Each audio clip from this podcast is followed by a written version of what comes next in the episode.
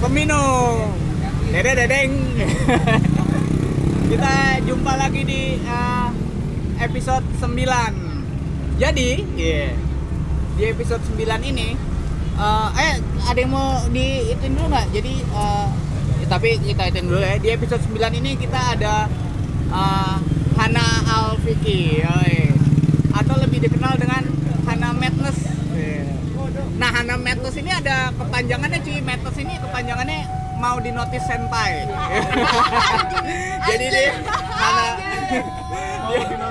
Hana Madness ini Madness ini kepanjangannya mau di notice senpai. Bisa, bisa. Nah, kita uh, di episode 9 kali ini kita akan ngebahas uh, dia sebagai uh, artis art, uh, art artis ya, artis yang outputnya adalah contemporary art dan uh, disabilitas mental ya.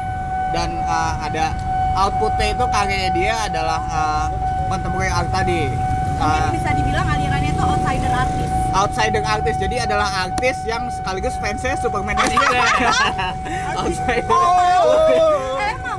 tapi gue protes karena harusnya namanya Lady Ghost artis bukan Lady Ghost outsider artis. artis Beda. nah jadi uh, Hana Hana Madness ini Hana mau di notice senpai ini uh, sudah menghasilkan begitu banyak karya yang bisa dinikmati di dalam dan di luar kota luar negeri terakhir Lu udah ninggin-ninggin gua terus jatuhin gua tuh gimana? jadi lokal dan interlokal Eh, kemarin baru pulang dari Inggris ya kalau nggak salah Iya. Katanya di sana banyak bule ya? iya katanya lah Gua bingung jago bahasa Inggris. Iya. Tapi kedutaannya satpamnya tetap orang yang nganjuk. Iya. Tenang lalu ya. satpamnya nyata nggak bule-bule juga. Gitu. Eh, gimana? Dan eh, lo ada yang mau disampaikan dulu nggak eh, ke episode-episode kemarin? Kan ada unek-unek nih sebelum masuk episode 9 ah, iya. Jadi kan kita di episode yang kemarin udah ngomongin soal ah, kekerasan terhadap perempuan pelecehan terhadap perempuan. Jadi ah, beberapa kali narasumber kita kan cewek di sebagai pendengar pamitnya meeting yang budiman tolong komentarnya jangan mengobjektifikasi perempuan. Kita Iya. sebagai laki-laki yang keren itu menghormati tubuh perempuan sebagai entitas yang otonom yang ya itu terserah tubuh mereka mau diapain jadi kalau mau komentar silakan tapi jangan mengobjektifikasi perempuan ah, jadi jadilah manusia yang hebat nah untuk episode ini gue pakai baju sekali, putih super sekali. Super Oh iya, dong. pakai baju putih nih. iya untuk pertama kalinya sejak pamitnya meeting gue pakai baju putih Tapi ya bener ya, maksudnya gue mau pesan buat kalian yang ya mengobjektifikasi perempuan tuh mungkin gue lebih percaya kalian karena nggak tahu sih bukan karena niat jahat ya. karena bercanda juga Iya, tapi kalau yang udah kayak uh, homofobik, rasis segala macam, uh, gue nggak butuh lo nonton, apalagi gue nggak butuh lo beli merch, gue soalnya udah deh lo nggak nggak nggak usah deh, kecuali lo mau lo mau lebih membuka pikiran dan segala macam, gue nggak butuh lo nonton, gue nggak butuh segala macam. Uh, tapi kalau mau beli kaos nggak apa-apa lo mau homofobik mau apa nggak apa-apa tapi Paling nggak ngakunya jangan lima iya, nggak iya. apa-apa jadi kalau anonim, hamba Allah gitu Iya. nggak apa-apa, nggak apa-apa. mau dukung kelompok fasis bersorban nggak apa-apa Nggak apa-apa. baju kita Mm. nggak harus langganan Karena duit nggak kenal homofobik. Iya. duit kan nggak ada kenal saudara. ini kami dari pendukung front pembela apa SID gitu kan gitu jadi mungkin langsung dimulai Baga Langsung kita tanya ke Hana mau di notice senpai ini ya, Hana Madness.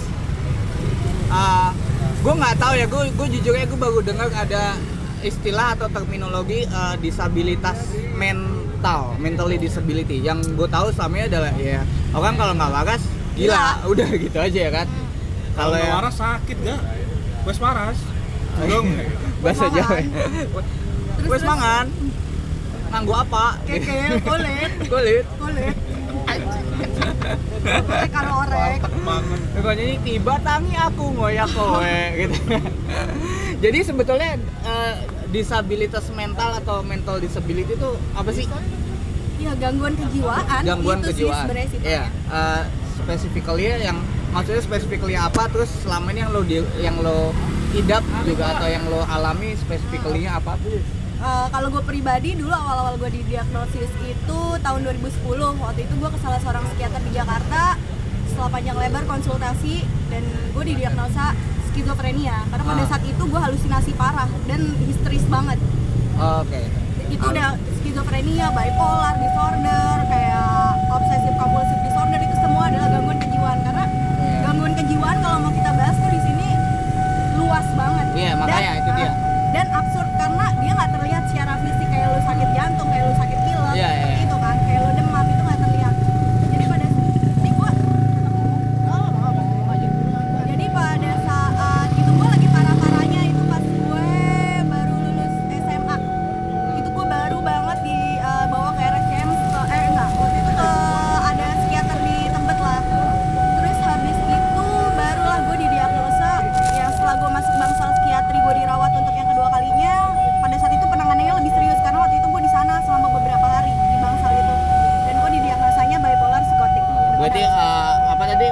Gangguan mental ya? Karena selama ini kan kita kayak sebetulnya insomnia itu juga gangguan mental kan ya. Tapi kan selama ini Ah, pengal- serius? iya pengalaman ah aku insomnia gangguan, gitu. kan? Aku insomnia oh, ternyata cuman ABG kecanduan internet gitu. Ternyata Oh, cuman oh, ABG kelebihan kuota beda-beda. gitu. Jadi memang eh, ada stigma yang sangat dan ada pemahaman yang sangat bias gitu loh mengenai gangguan mental gitu.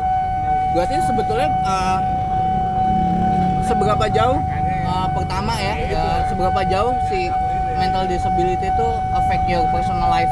Ini buat lo yang nggak ngerti bahasa Inggris ya yang nggak pernah artinya adalah? Uh, artinya apa enggak yang mempe- sebagai seberapa jauh gangguan mental itu mempengaruhi ke, ke uh, kehidupan personal lo? Kagak lulus kuliah tapi bisa bahasa Inggris. Nah. inspirasi. Ya lu jangan mancing dong gitu. Ya berantakan lah semua kayak hubungan gue sama keluarga, sama teman-teman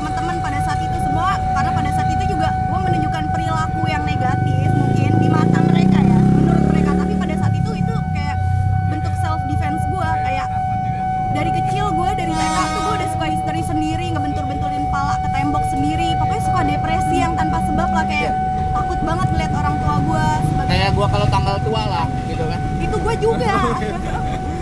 Bener-bener pala ke tembok ngutang-ngutang di warteg gitu enggak gue pernah kok gue pernah. Terus terus? Gue lupa sampai mana ya. Gue suka skip sorry ya gue suka skip. diajak bercanda mulu. Gue suka skip serius ya kalau mau serius mah di mata Najwa aja kalau mau serius mah datengin orang tuanya Iya, enggak iya, iya, benar-benar. Terus apa? Lo mau nanya apa? Lo udah lupa, udah lupa nih. ah, ah, lupa Jadi eh, sorry tadi apa? Oh, Betul-betul ah, kepala ke tembok, segala iya, macam kayak hubungan gitu dengan keluarga berantakan. sekolah berantakan Sekolah semua berantakan. berantakan. karena pada saat itu yang mereka tahu adalah wah nih anak gue asuh kanjin nih gitu Iya, iya. apalagi eh, di keluarga gue basic agamanya cukup kuat sekali ya jadi ngelihat anaknya ada yang sedikit men- eh, berbeda dari mereka anak-anak Afif nih. lainnya ya di rupiah ya Di rupiah. Di di rantai-rantai yang dulu ada lagunya tuh aku cinta Kukia. itu rupiah pak rupiah yang setuju baga episode berikut dikeroyok tolong like ya Jadi pernah ada soundtrack ya. Terus mau nanya apa? nah jadi gue beberapa kali nulis tentang penyakit mental dan eh, apa disabilitas di Indonesia jadi kalau dari Kementerian Kesehatan bilang kan sat- dua dari seribu orang di Indonesia itu eh, mengalami atau menderita gangguan, kesehatan mental kesehatan berat mental. Ya, Uh, berat.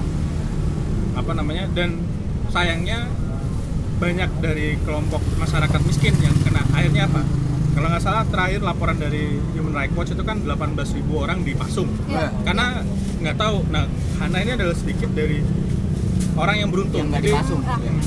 eh gue Kan- kan- pasung Oh, dipasung. Hah, juga? dipasung Di ping di pasung itu pinggir. luas kan artinya ah iya tapi maksudnya di- punya akses untuk Iya. ketemu psikiater si- eh, psikolog sampai hari ini gua nggak tahu bedanya itu apa. Mobilitasnya dibatasi, aksesnya dibatasi. dan bisa dapat akses terhadap obat obat- obatan. Nah, Betul. mereka yang tinggal di pelosok pelosok itu kan nggak punya kemewahan lain. Iya. Ya. Kalau lu gila ya udah dipasung aja gitu. Ya. Nah, eh, sebenarnya dari dulu ketika lulus SMA sampai hari ini, kemudian apa sih yang membantu untuk kemudian eh, bisa hidup lebih baik? kalau gue pribadi gue bersyukur gue tuh aware banget jadi pada saat gue lagi susah-susahnya pada saat itu gue lagi gue beberapa kali jujur aja waktu itu sempat pingin bunuh diri bahkan Hmm. udah nyaris dan Udah nyaris. tolong saya Aku nggak mau putus. enggak enggak enggak itu drama banget itu aku nggak mau putus nih gitu. Padahal yang di ini yang tumpulnya. ya kan gue lupa lagi nih Oh, ya, Bercanda mulu. Iya, Narasumbernya. Ya, beberapa kali mau bunuh diri ya. Terus terus terus apa sih tadi pertanyaannya Mas Dani apa yang membuat lo apa? oh apa sih Gimana kan tadi pertanyaan apa yang uh, kan itu SMA Mm-mm. ya khususnya sampai hari ini oh apa yang ngebuat gue bisa survive Bisa survive. Oh, sampai oke. hari ini sampai Jadi, hari ya ini? gue ngerasa pada saat gue lagi parah-parahnya itu gue ngomong terus tuh ke nyokap gue mah gue pingin mati gue pingin mati sampai histeris dan nangis-nangis yang drama-drama antara anak dan orang tuanya lah pada saat itu lagi susah banget sedangkan orang tua gue cuma bilang udah kamu tuh sholat sholat sholat sholat dan sholat ah itu udah segala macam cara ditempuh dari rukiah sampai dikasih air minum yang doa-doa tapi ya emang ngerasa gue nggak butuh penanganan seperti Ya, itu. yang spiritual atau religious experiment experience gitu ya. Akhirnya gue dari SMP gue mutusin untuk gue cabut dari rumah. Jadi beberapa kali gue yang emang bener-bener bingung mau tidur di mana. Dan patokan gue pada saat itu cuma teman-teman gue sedangkan teman-teman gue nggak semuanya baik. Maksudnya punya niat baik ke gue kan pada saat gue masih SMP gue nggak tahu apa-apa gue takut banget di luar sedangkan gue juga nggak nyaman di rumah jadi gue ngerasa kayak gue jadi di pilihan. gitu ya di tengah-tengah gitu Iya, iya. lupa lagi berantem bener kan Jadi gue ngerasa gue nggak punya pilihan pada saat itu akhirnya ya udah gue banyakin temen banyakin temen banyakin uh, kenalan banyakin ilmu tapi di luar dari sekolahan gue sampai situ situ situ kira gue benar-benar nemuin di mana teman yang benar-benar baik yang emang maksudnya emang baik lah Iya, baik iya. buat gue dan yang cuma manfaatin gue secara psikologis maupun secara fisik gue nemu ya udah ber- berlanjut sampai sekarang gue coba berkesenian dari SMA gue karena waktu itu hobi gue cuma gambar doang gue maksudnya gue di sekolah gue nggak bisa nangkep tuh matematika apaan sih karena gue Iya. emang blank banget pada saat itu gue juga punya masalah tidur karena ketakutan di rumah gue nggak pernah bisa tidur. Sebetulnya kayak Gary ya dia Gary itu mencoba berkesenian karena susah uang. Bukan karena eh tapi ini bukan berarti lo yang sekolahnya berantakan terus lo mental illness Kebenaran ya, iya, ya. bisa jadi lo emang bego aja gitu atau emang lo brengsek aja. Jangan terus lo bilang ih sekolah gue berantakan gue mental illness. Nggak nggak juga cuy. Gitu bisa jadi emang seragam lo dekil aja jadi lo malas malas masuk sekolah gitu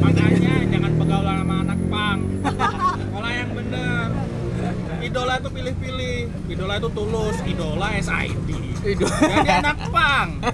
Nah Oke. titik, titik balik lo sendiri kemudian sadar bahwa oh gue ini nanti kita tanya ya. Ah, gue ini bukan apa bukan kerasukan jin atau apa tapi gue gangguan mental. Itu titik baliknya untuk kemudian belajar tentang tubuh sendiri pikiran sendiri itu kapan dan siapa dapat dari mana pengetahuan itu. Pada saat itu gue nggak punya uang pertama gue nggak punya uang sama sekali. gue juga sih ya.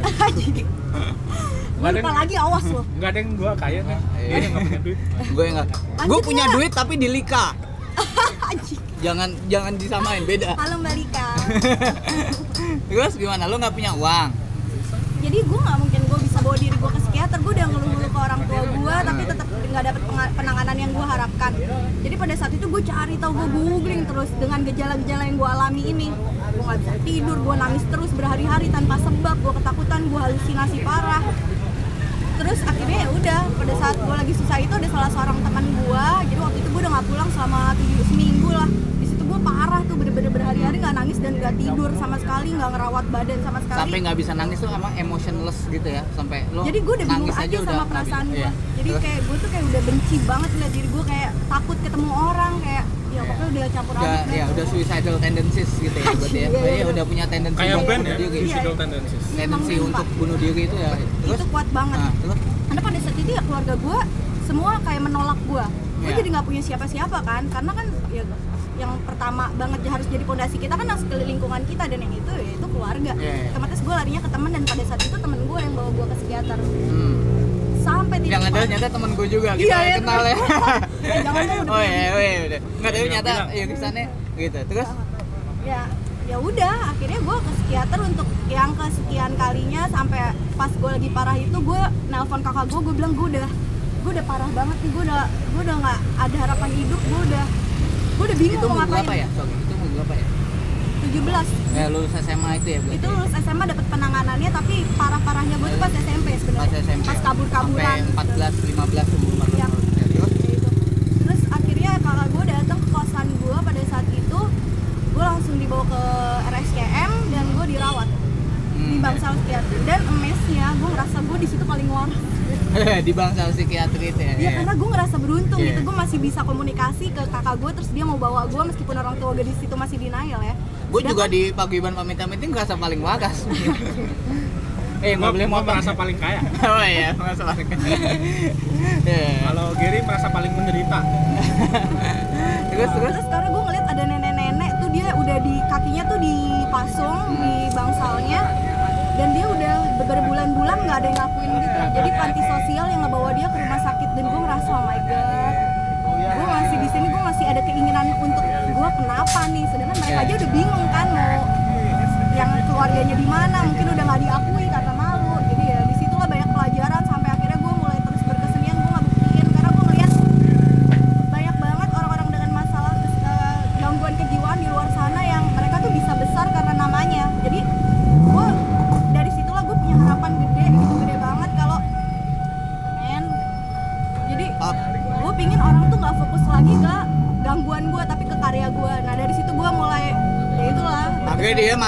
golongan karya Anjir.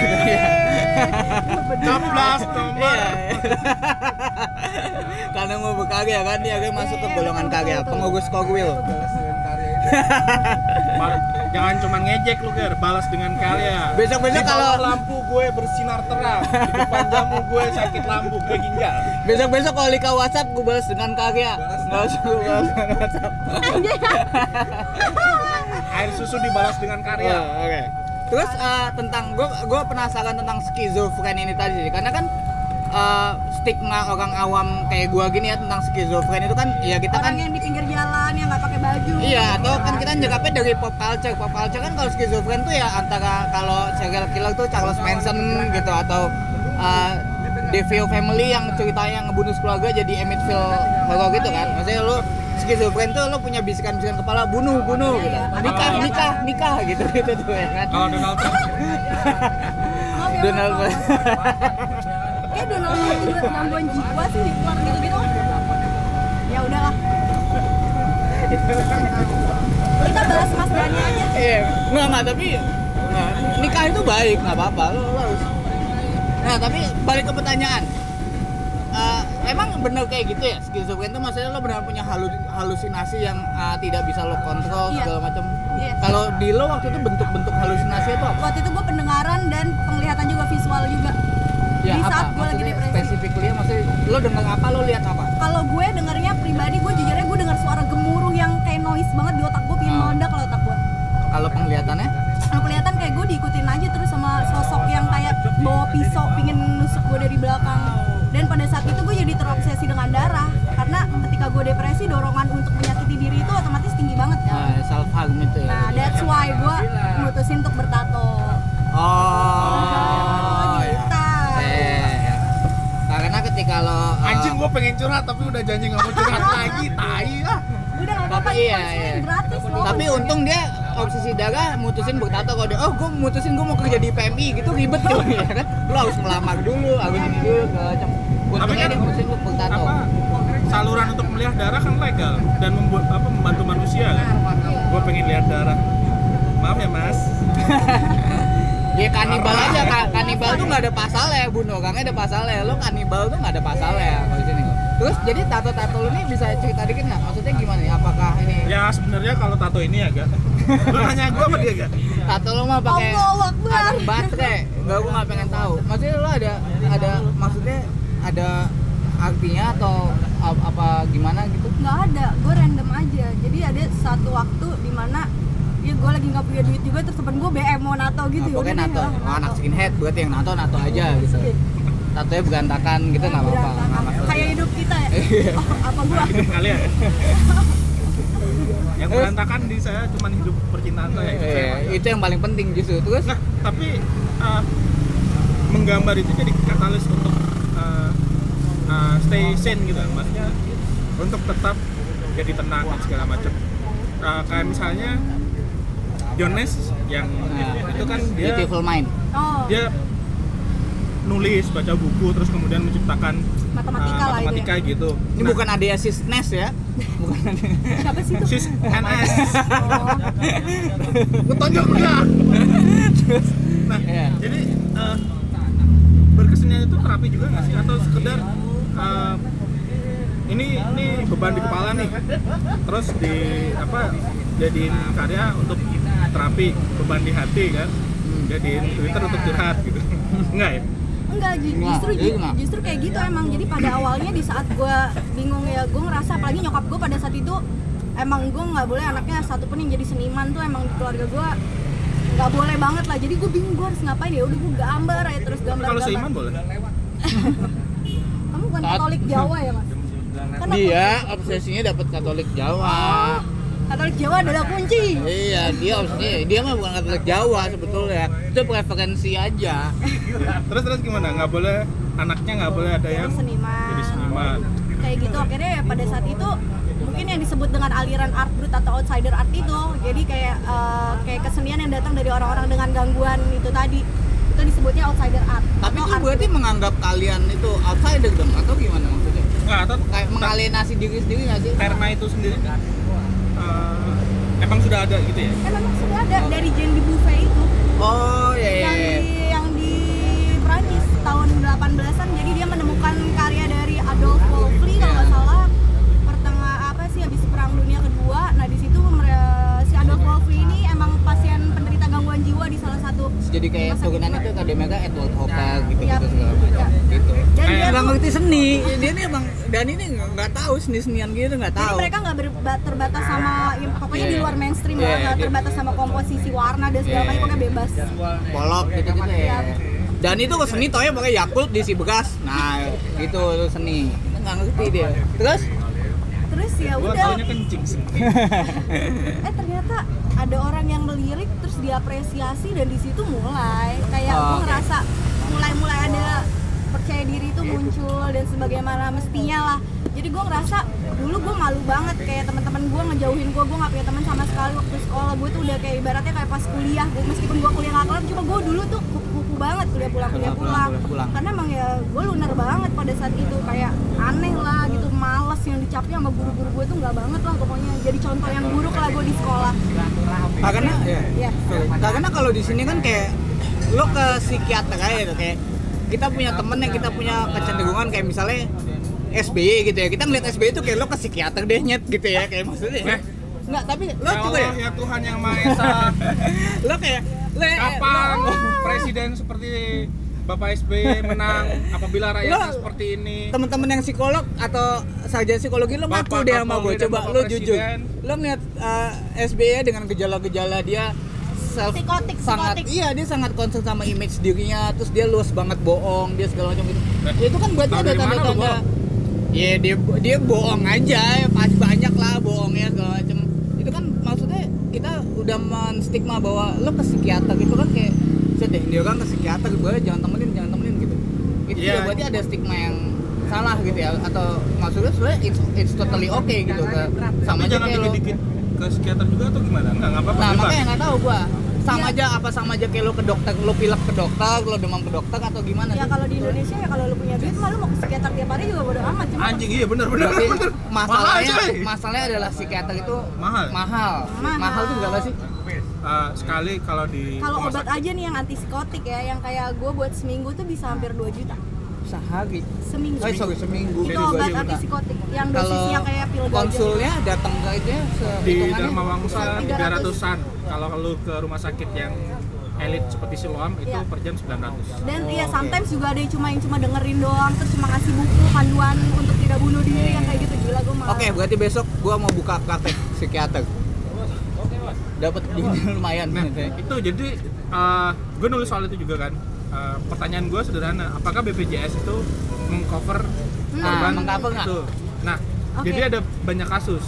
Misalnya ada teman gue yang dia itu di cover, tapi harus pertama harus punya dokter keluarga dulu. Jadi ke puskesmas lu dokter keluarga itu gimana sih dokter yang keluarga oh maksudnya kita jadi- punya keluarga terus kita punya dokter pribadi. Makanya. Enggak, serius gue nanya, kita punya dokter pribadi untuk keluarga Iya, kita gitu iya. Dan itu disediakan oleh pemerintah. yang udah langganan Nah, kan jadi nanti dia akan ngasih rekomendasi surat pengantar bahwa oh iya dalam si, si Fulan, si si Fulan itu menderita gangguan mental. Nanti akan dirujuk di rumah sakit. Kalau di Jakarta nanti ke Dharma Wangsa dan itu akan di cover tapi tidak semuanya. Kayak misalnya gini gue punya temen yang itu gejalanya masih ringan. Itu obat psikotiknya segala macem dia- itu 900.000 ribu dan di di covernya cuma sekitar 30-40 persen Itu beda sama obat penenang gitu beda ya? beda itu antidepresan dong Nah. kalau ini Oh, anti- ya makanya Nah, beda. ya, masalahnya itu juga debatable karena banyak psikolog yang bilang jangan gampang ngasih obat karena Iya. ada beberapa gangguan kejiwaan yang itu bisa bukan diatasi tapi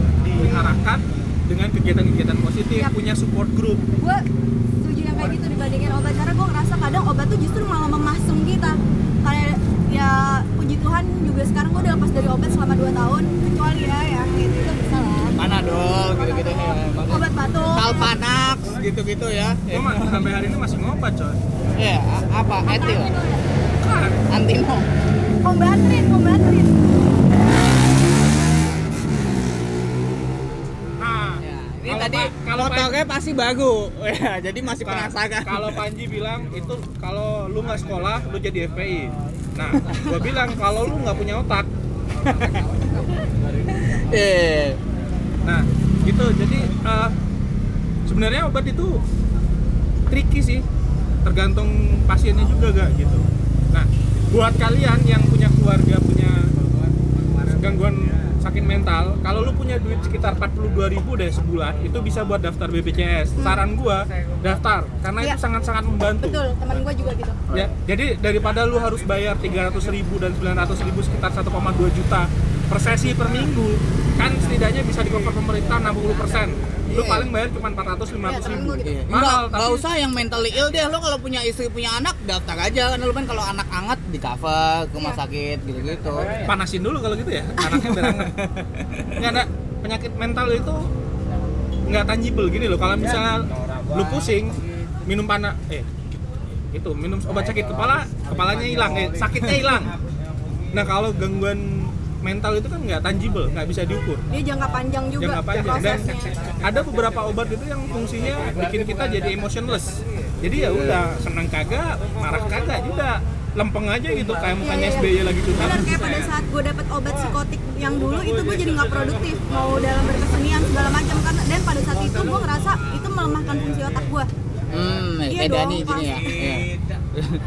pasti dong itu ada efek jangka panjangnya banget ya gue bukannya nggak support obat cuma kalau bagi kalian yang emang maksudnya kalau misalnya nggak butuh obat banget jangan deh karena gue ngerasa banget itu kayak ngilangin memori lo secara jangka panjang dan segala macamnya. Ya, jadi gue sih kalau gue bentuk pribadi represi lain lah ya obat itu kalau gue pribadi lebih condong ke support group dan uh, physical activity. Art terapi ya. Jadi kalau misalnya bisa coba gambar kalau misalnya Nah, ada mewarnai ya terapi Nah, mewarnai gambar. kalau misalnya ada yang suka ke- kegiatan fisik, ajak nge-gym olahraga. Oh, iya. Kayak dulu di Jakarta ada fight club tapi sekarang udah bubar gitu. Dulu di di Patiunus tuh ada fight club tuh di Jakarta. Tapi sekarang udah Dani Tapi itu enak loh fight club tuh.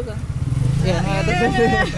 Ayo lo ngelepas stres gitu beneran pukul-pukulan. kayak susah juga loh kayak misalnya eh, yang support group itu gue ngerasa yang mereka mereka tuh udah kayak dalam tahap pemulihan tapi bagi mereka mereka yang lagi parah parahnya kayak pada saat gue lagi ngalamin lu boro-boro lu mau mandi lu mau bangun dari tempat tidur tuh udah nggak lu tuh nggak udah kayak nggak ada harapan hidup sama sekali kayak udah ngerasa. Jadi Gue belum pernah sampai kayak gitu sih, belum pernah menemukan Eh, terus, kasus Mas. pendamping kayak gitu gitu. Iya. Anjing. Tapi ya, pertanyaan tadi di, di awal gitu. Oke, gimana tadi?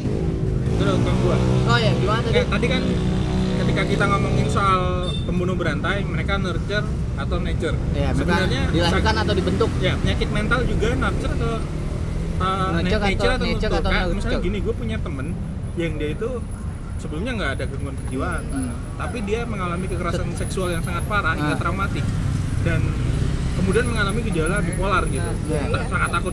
Jadi ada yang memang sejak lahir dia sakit, ada yang memang dibentuk gitu. Iya kalau bagaimana? penelitian itu jadi 70% ya maksudnya kayak bakat deh kayak misalnya orang tuanya atau keluarga lu ada yang mengalami gangguan kejiwaan seperti skizofrenia atau bipolar itu 70 ada presentasinya 70% anak lu bakal kayak gitu. Hmm. Itu presentasenya cuma bisa dicegah Berarti dengan memang dia genetik ya sebetulnya. bisa genetik dan juga bisa juga kayak trauma kayak pola asuh lingkungan segala macam kayak dia mendapatkan eh, perlakuan yang tidak enak pada saat masa kecilnya itu membentuk sekali bibit-bibit seperti itu gue trauma kemiskinan ya.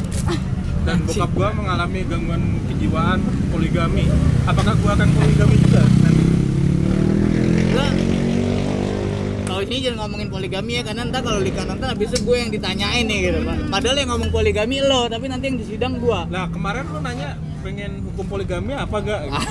Enggak, jadi eh enggak sorry, enggak. Baga nggak pernah nanya sama gue hukum poligami itu apa gitu. Dan bagaimana tata cara ngurus poligami dia nggak pernah nanya ke gue mau poligami istri gue empat tapi nikah semua. Iya. Gimana?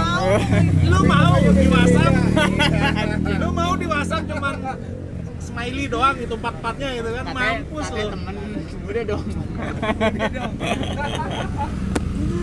Nah terus eh, tadi sampai mana? Ya nurture atau nurture nah uh, yang sebelumnya nggak pernah itu jadi bisa. Karena trauma tadi. Itu bisa. Seperti kayak self abusing dari lo dari orang tua kayak misalnya nih anak dibilang lu tuh jelek lu tuh bego lu tuh bego terus menerus setiap hari. Ya udah dia akan merasa dirinya bego dia akan menutup diri dari lingkungan sosial. Dari self esteem ke self Iya, hate gitu iya, gitu itu ya. kan jangka panjang seperti itu. Ya gitu. oke. Oh berarti nanti kalau gue punya anak lu kaya lu tajir itu doa lo jadi emang harus digituin tapi ngebus batu ya malah nggak jadi eh, atau gini deh.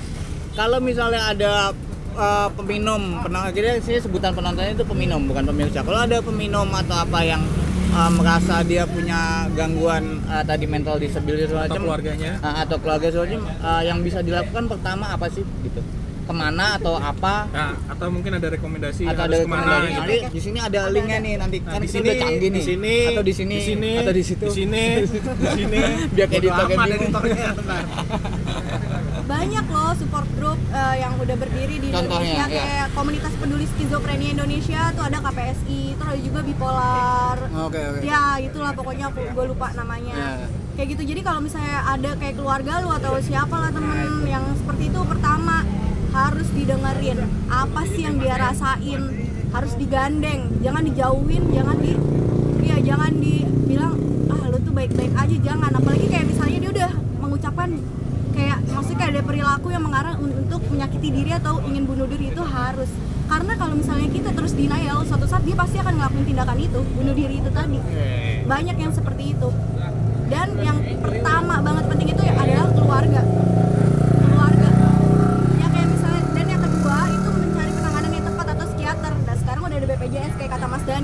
Jadi udah nggak ada apa sih kayak apa sih kayak sikap yang Mas Dani sikap yang eh, ah gue nggak punya duit gue nggak psikiater tuh malah enggak enggak sekarang udah bisa dipermudah dengan BPJS itu nolong banget kok.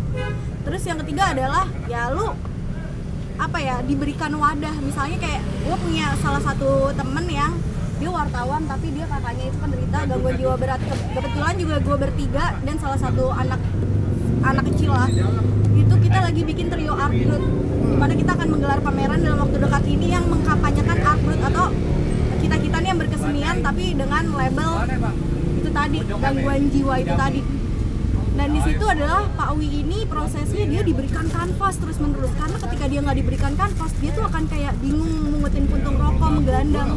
Seperti itu. Jadi ketika dia diberikan kanvas udah dia melukis aja sampai kayak ya orang udah nggak waras obsesif ada Iya. kompulsif itu ya? Seperti itulah peran keluarga jadi sebetulnya ketika uh, it's totally okay ketika kalian merasa bahwa kalian punya uh, mental disability atau mental illness tadi ya karena ya mental illness itu pada akhirnya sama kayak sakit fisik lainnya gitu. Maksudnya it's totally okay kan lu tahu-tahu ngerasa demam lu ngerasa gini gitu. Cuman memang sakit mental ini lebih uh, nggak terlihat bentuknya.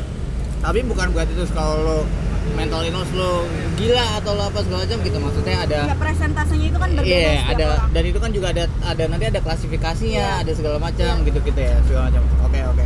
dan jangan takut untuk cari bantuan kalau misalnya lu punya teman jangan takut untuk ngomong dan minta tolong Ya, jangan takut. karena lu nggak sendiri gitu Iya. meskipun lu merasa bahwa wah gua ini nggak ada yang peduli sama gua segala macam Iya. at least setidaknya kamu coba untuk cari cari orang ya misalnya kalau butuh bantuan pinjem uang eh bro gua Bisa ke BRI.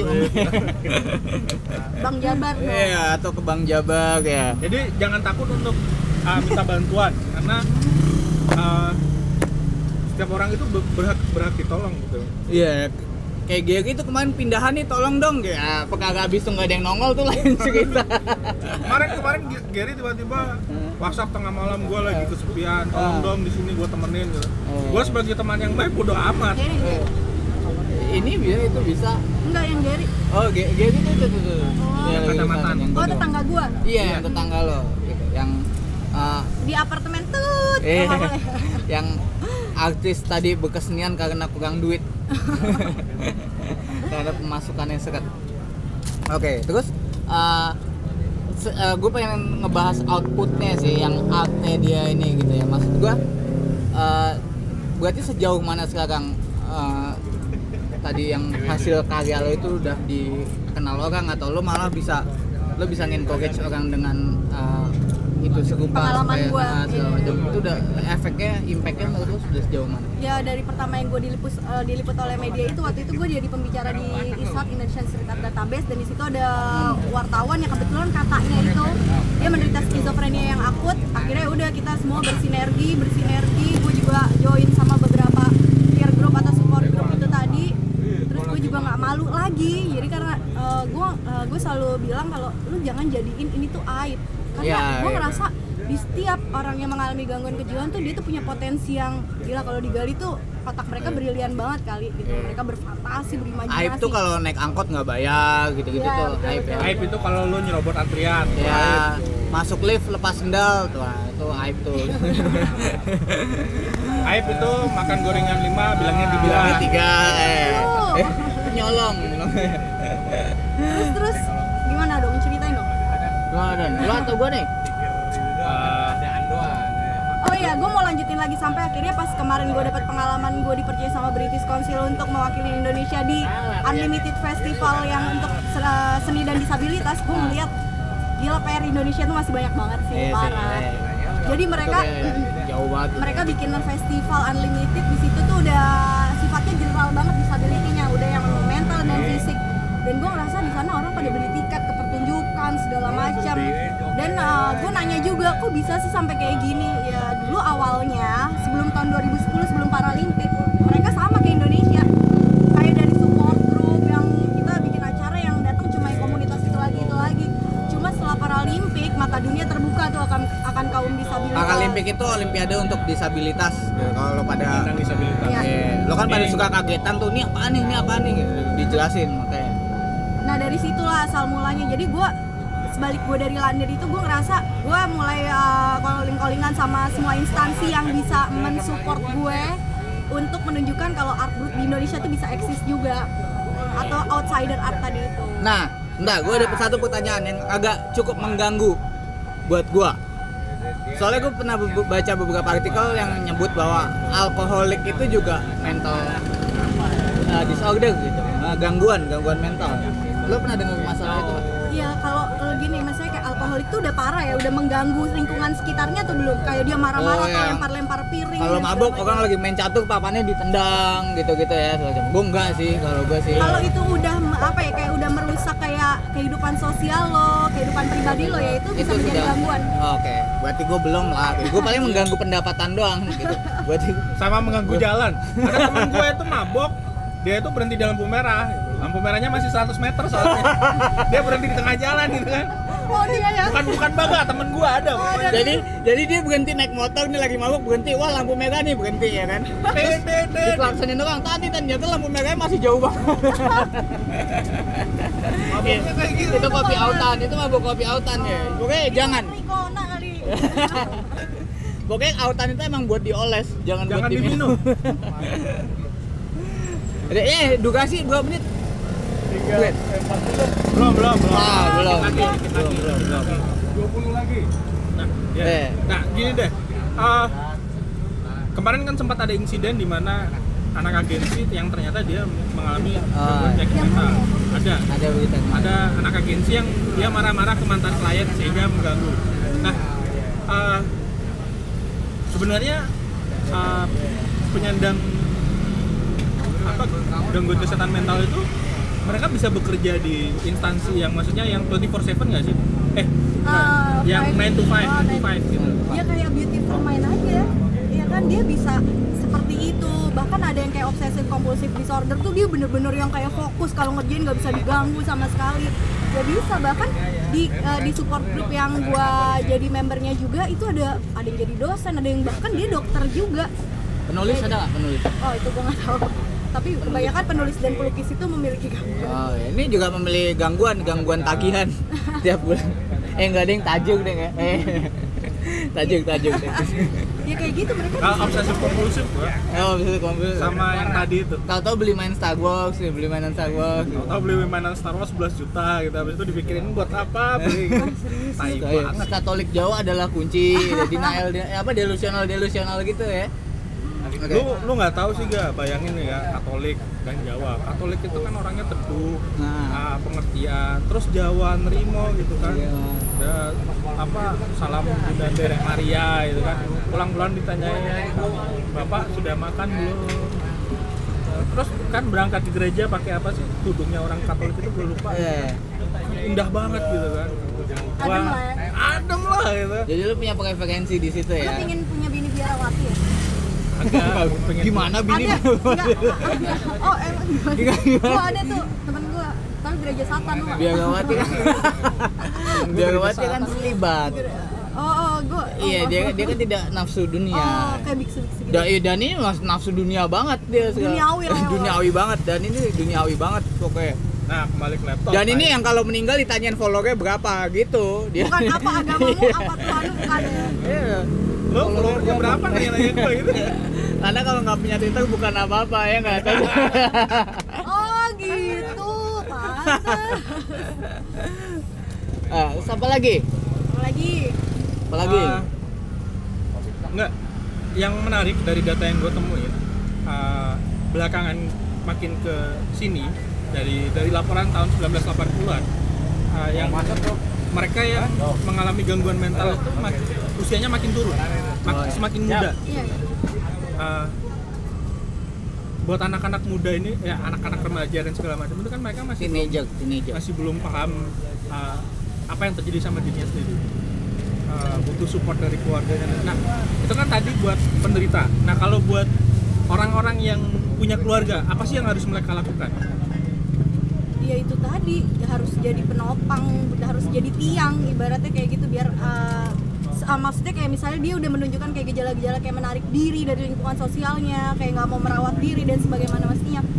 Ya itu keluarga harus coba diarahkan dan jadi pendengar yang baik sih kalau menurut karena jujur aja gue bisa lepas obat karena gue ngerasa gue lebih butuh orang sih di samping gue dibandingin obat, Obat. ya. Gue lebih butuh ketika gue lagi depresi gitu parah. ya, ada interaksi personal Betul, gitu ya. Ketika gue lagi depresi parah, gue nggak mau dijudge, gue nggak mau dibilang lu mestinya kayak gini, mestinya kayak gitu, mesti gue nggak pingin di kayak gitu, gue cuma pingin didengerin, gue pingin dipeluk, gue pingin dirangkul Iya. kayak itu doang sih, simple sebenarnya. Sama gue juga kalau lagi depresi parah cuma butuh invoice cair. Tapi ada nggak sih yang maksudnya di online atau apa gitu yang kayak uh, hotline center atau support group? Belum ada Kayaknya di Indonesia. Indonesia belum sejauh ini. Dulu Depkes itu punya suicide hotline soalnya. Ada, ada. Serius, Ada. serius. Tapi di telepon nggak nyambung nyambung. Nggak tapi benar pernah gue Oh. pernah gue tweet, pernah gue tweet dan pernah gue coba nggak nyambung nyambung. Tapi Iya, mungkin dari teman-teman follower yang punya Info informasi itu bisa lo komen di bawah untuk nanti Nah. kita masukin sama Depkes coba tolong ya you had one job nggak one job sih tapi maksudnya lo punya lo PR. bikin suicide hotline tapi di telepon gak ngangkat itu kayak ya kali gitu loh maksudnya iya ya. maksudnya ini rumah kebakaran lu ngasih fire extinguisher tapi nggak bisa dipakai Iya, gitu. Dia punya dia pernah punya loh, tapi di telepon nggak nggak nggak berapa? setahun lalu lah gitu masih kalau bulan. misalnya ban- lembaga untuk bantu gangguan apa kehamilan yang tidak diinginkan ada tapi kalau misalnya hotline hotline untuk penderita gangguan mental kalau lo misalnya ada keinginan untuk bunuh diri dan pengen didengar itu belum ada yang 24/7 gitu loh Nih, 24 24/7 Oh, 20 oh. sehari sehari apa dua Oh, seminggu tiap hari 24 jam. Nah jadi ah, mungkin teman-teman yang ah, ada inisiatif untuk bikin itu atau tahu itu bisa kontak kami gitu. Nanti kita bikin sesi yang Gue lebih- mau juga Eh, bersinergi. tuh. Yang pasti kalian nggak sendiri udah gitu aja. Maksudnya kalian punya teman-teman yang maksudnya uh, mereka mungkin bukan lebih berpengalaman sih, ya, tapi mereka sudah melalui itu, sudah been through, udah tahu uh, gimana beneran uh, daunnya gimana segala macam. Mereka sudah lebih tahu itu dan nggak ada salahnya juga gitu kan lo ngebantu orang yang maksudnya masih clueless, Iya. masih segala macam. Dan gue juga mau apa sih ngasih note untuk orang-orang yang punya gangguan kejiwaan, apalagi yang udah mulai pulih. Gue ngerasa dulu menjadi berbeda tuh rasanya memalukan sekali tapi pada ketika lu udah di sampai posisi di mana lu bisa menerima diri lo sendiri lo akan menyadari bahwa gila gue jadi berbeda dan itu menyenangkan Ya, ya, gue ya. pribadi kayak gitu Udah berapa menit nih? 46 Wah, closing statement. Udah 46 menit. Eh, so, udah 46 menit. Lo dan Lo dulu, gua masih gue eh, lo dulu deh. Gue biasanya terakhir soalnya. barusan gue closing statement gue itu Oh, dia itu closing statement lo tuh. Jadi kalau ada itu lo itu. ya lo nggak usah takut untuk jadi berbeda karena jadi berbeda tuh menyenangkan lo harus bisa nerima diri lo sendiri Ya, tuh, ya. Terus lo dan? Enggak. Apa? Lo dulu gak? Gua masih Closing Gampang. statement gue apa ya kak? Kalau menurut gue sih sebetulnya yang namanya uh, uh, kalau kita mau pakai term orang gila ya, orang gila itu ya penyelenggara negara gitu. Masa departemen agama sama departemen pertanian anggarannya gedean departemen agama gitu? Lo mau makan agama apa gimana? Gak mungkin juga gitu. iya ya benar Eh, maksudnya kalau yang penista yang- agama. Kalau lo mau bikin demo, gue ikut. ya, ya, agama nggak bisa lo makan gitu loh ya. Jadi sebetulnya eh, ketika lo merasa punya mental illness segala yang paling penting sih menurut gue kesimpulannya tadi eh, lo nggak sendirian gitu dan lo juga jangan jangan merasa lo teralienasi segala macam lo cepet cari eh, call for help lo cepet cari bantuan segala macam dan itu bisa yang paling penting adalah itu bisa disembuhkan Iya, ya bisa itu pulih bisa lah, itu meskipun bisa pulih 100%. mungkin nggak sembuh gitu tapi bisa dipulihkan Di- bisa dicariin jalan keluarnya diminama, Dikendalikan. diminimalisir Iya. dikendalikan kalau kata uh, Sudomo dulu digebuk tak gebuk. Tak gebuk. gitu segala macam. Jadi uh, it's it's not the end of the world gitu. Ini dunia lo belum berakhir gitu lo masih punya. Malah lo kalau mau nanti di seksi komen itu uh, lo mau curhat? segala macam gitu kita Boleh, akan boleh, boleh, boleh. banget. Ke nanti juga gue juga boleh. Atau di ACF ACFM lo apa? Hana Madness. Hana mau di notice handpai tadi Hana, Hana Madness. Madness. Hananya N nya satu ya N-nya satu. N nya satu. Iya. Madnessnya S-nya nya dua. S nya dua segala macam. Batuk manis loh nanti kalau S nya banyak banyak. Gitu. Terus Dani? Iya, eh, dari gue sih kalau lu punya kemampuan untuk jadi caregiver dalam artian ya eh, pendamping. pendamping orang-orang gitu loh. Eh, lu bisa membantu orang-orang yang mengalami gangguan mental tadi. Iya. Itu bukan untuk bebas bicara bu- buat kebanggaan atau buat apa, tapi bukan begitu bukan lo itu bisa membantu orang lain. Tidaknya dengan mendengarkan. Hari ini Oh, dengan adanya ya. media sosial itu semua orang pengen ngomong, tapi jarang sekali orang pengen mendengarin, men- didengarkan. Dan kadang seperti yang Hana bilang tadi kan banyak sekali uh, penyandang gangguan mental cuma ingin didengar, ingin di- didampingi, ingin dipeluk gitu. Eh, Dan kadang itu juga bisa lahir dari kesepian, kesunyian gitu. Lu bisa curhat, bisa ngomong gitu. Dan jangan takut untuk jadi beda. Kalau kalau sama beda itu bebek sama kuda beda nggak bakal bikin vlog kalau kita sama gitu. Iya. Gua bakal jadi PNS soalnya. sama eh ya ya eh ya Ger, ger, sini ger. eh dia eh ya bawain buku tadi dong bawain buku tadi yang dua buku buku gue mau gue mau promote penerbit. Ya ini jadi ada ada penerbit eh, yang gue pengen lo pada tahu sih bukunya gitu karena nggak nggak ada hubungan sama mentalin maksudnya agenda tersembunyi gue karena menurut Ada gue nih, spot iklan sekarang. karena menurut gue gue nggak dibayar juga sih sama mereka gitu. harus Gramedia Ya udah kalau gitu nggak usah. cuman gue kemarin habis beli buku eh, lucu banget. Ke- ini kebaliknya aduh iya. Ini ada Wah, ini anarki sebuah panduan grafis dan ini ada ABC anarkisme. Jadi kalau kata Sohibul Iman presiden PKS itu anarkisme itu jahat kayak Rangga di ADC 2 jangan percaya. Kalian harus baca dua buku ini di penerbit at daun malam. Sorry ya daun malam ini dia nggak tahu loh bakal gue sebut karena gue Nggak, dia baru aja follow Instagram karena di gua sama dia emang Iya. nggak ada. Cuman gue beli buku ini dan Ah, boleh dong Nah karena gini, kemarin Donald Trump bilang kan profesional anarkis, anarkisme sekarang profe- profesi profesional, ada sertifikasinya. Jadi nanti akan ada sertifikasi untuk jadi anarkis. Bagaimana cara mele- melempar molotov yang benar gitu kan? Kandungan molotovnya itu berapa persen kemudian bisa di nggak nggak percaya anarkisme itu anarkisme itu nggak melulu tentang molotov kok kita juga Anarkisme ada itu yang demo demo kita juga kan? ada nyabotase bulldozer segala oke kita eh, sampai jumpa di episode 10 ya ada di episode 10 dan beberapa bulan ke depan dalam waktu dekat ini kita punya kejutan. Pokoknya kita punya acara offline ya yang nanti lo harus datang. Gini Eh, karena kita sudah mau 10 episode. Eh, terus yaudah gitu aja. Ya makasih banyak. Ya gue yang makasih. Hana Menes. makasih semuanya. dan jangan lupa untuk semua. Cheers. apa pun. Apa pun apa pun minumnya. Apa pun minumannya. Mau oh, ada gelasnya. Ya ada, ada apa pun minumannya. Pamit ya. pamit ya pamit. Ya. oke okay. dadah. Kok bisa memaksa orang untuk belajar. Tapi belum tentu ya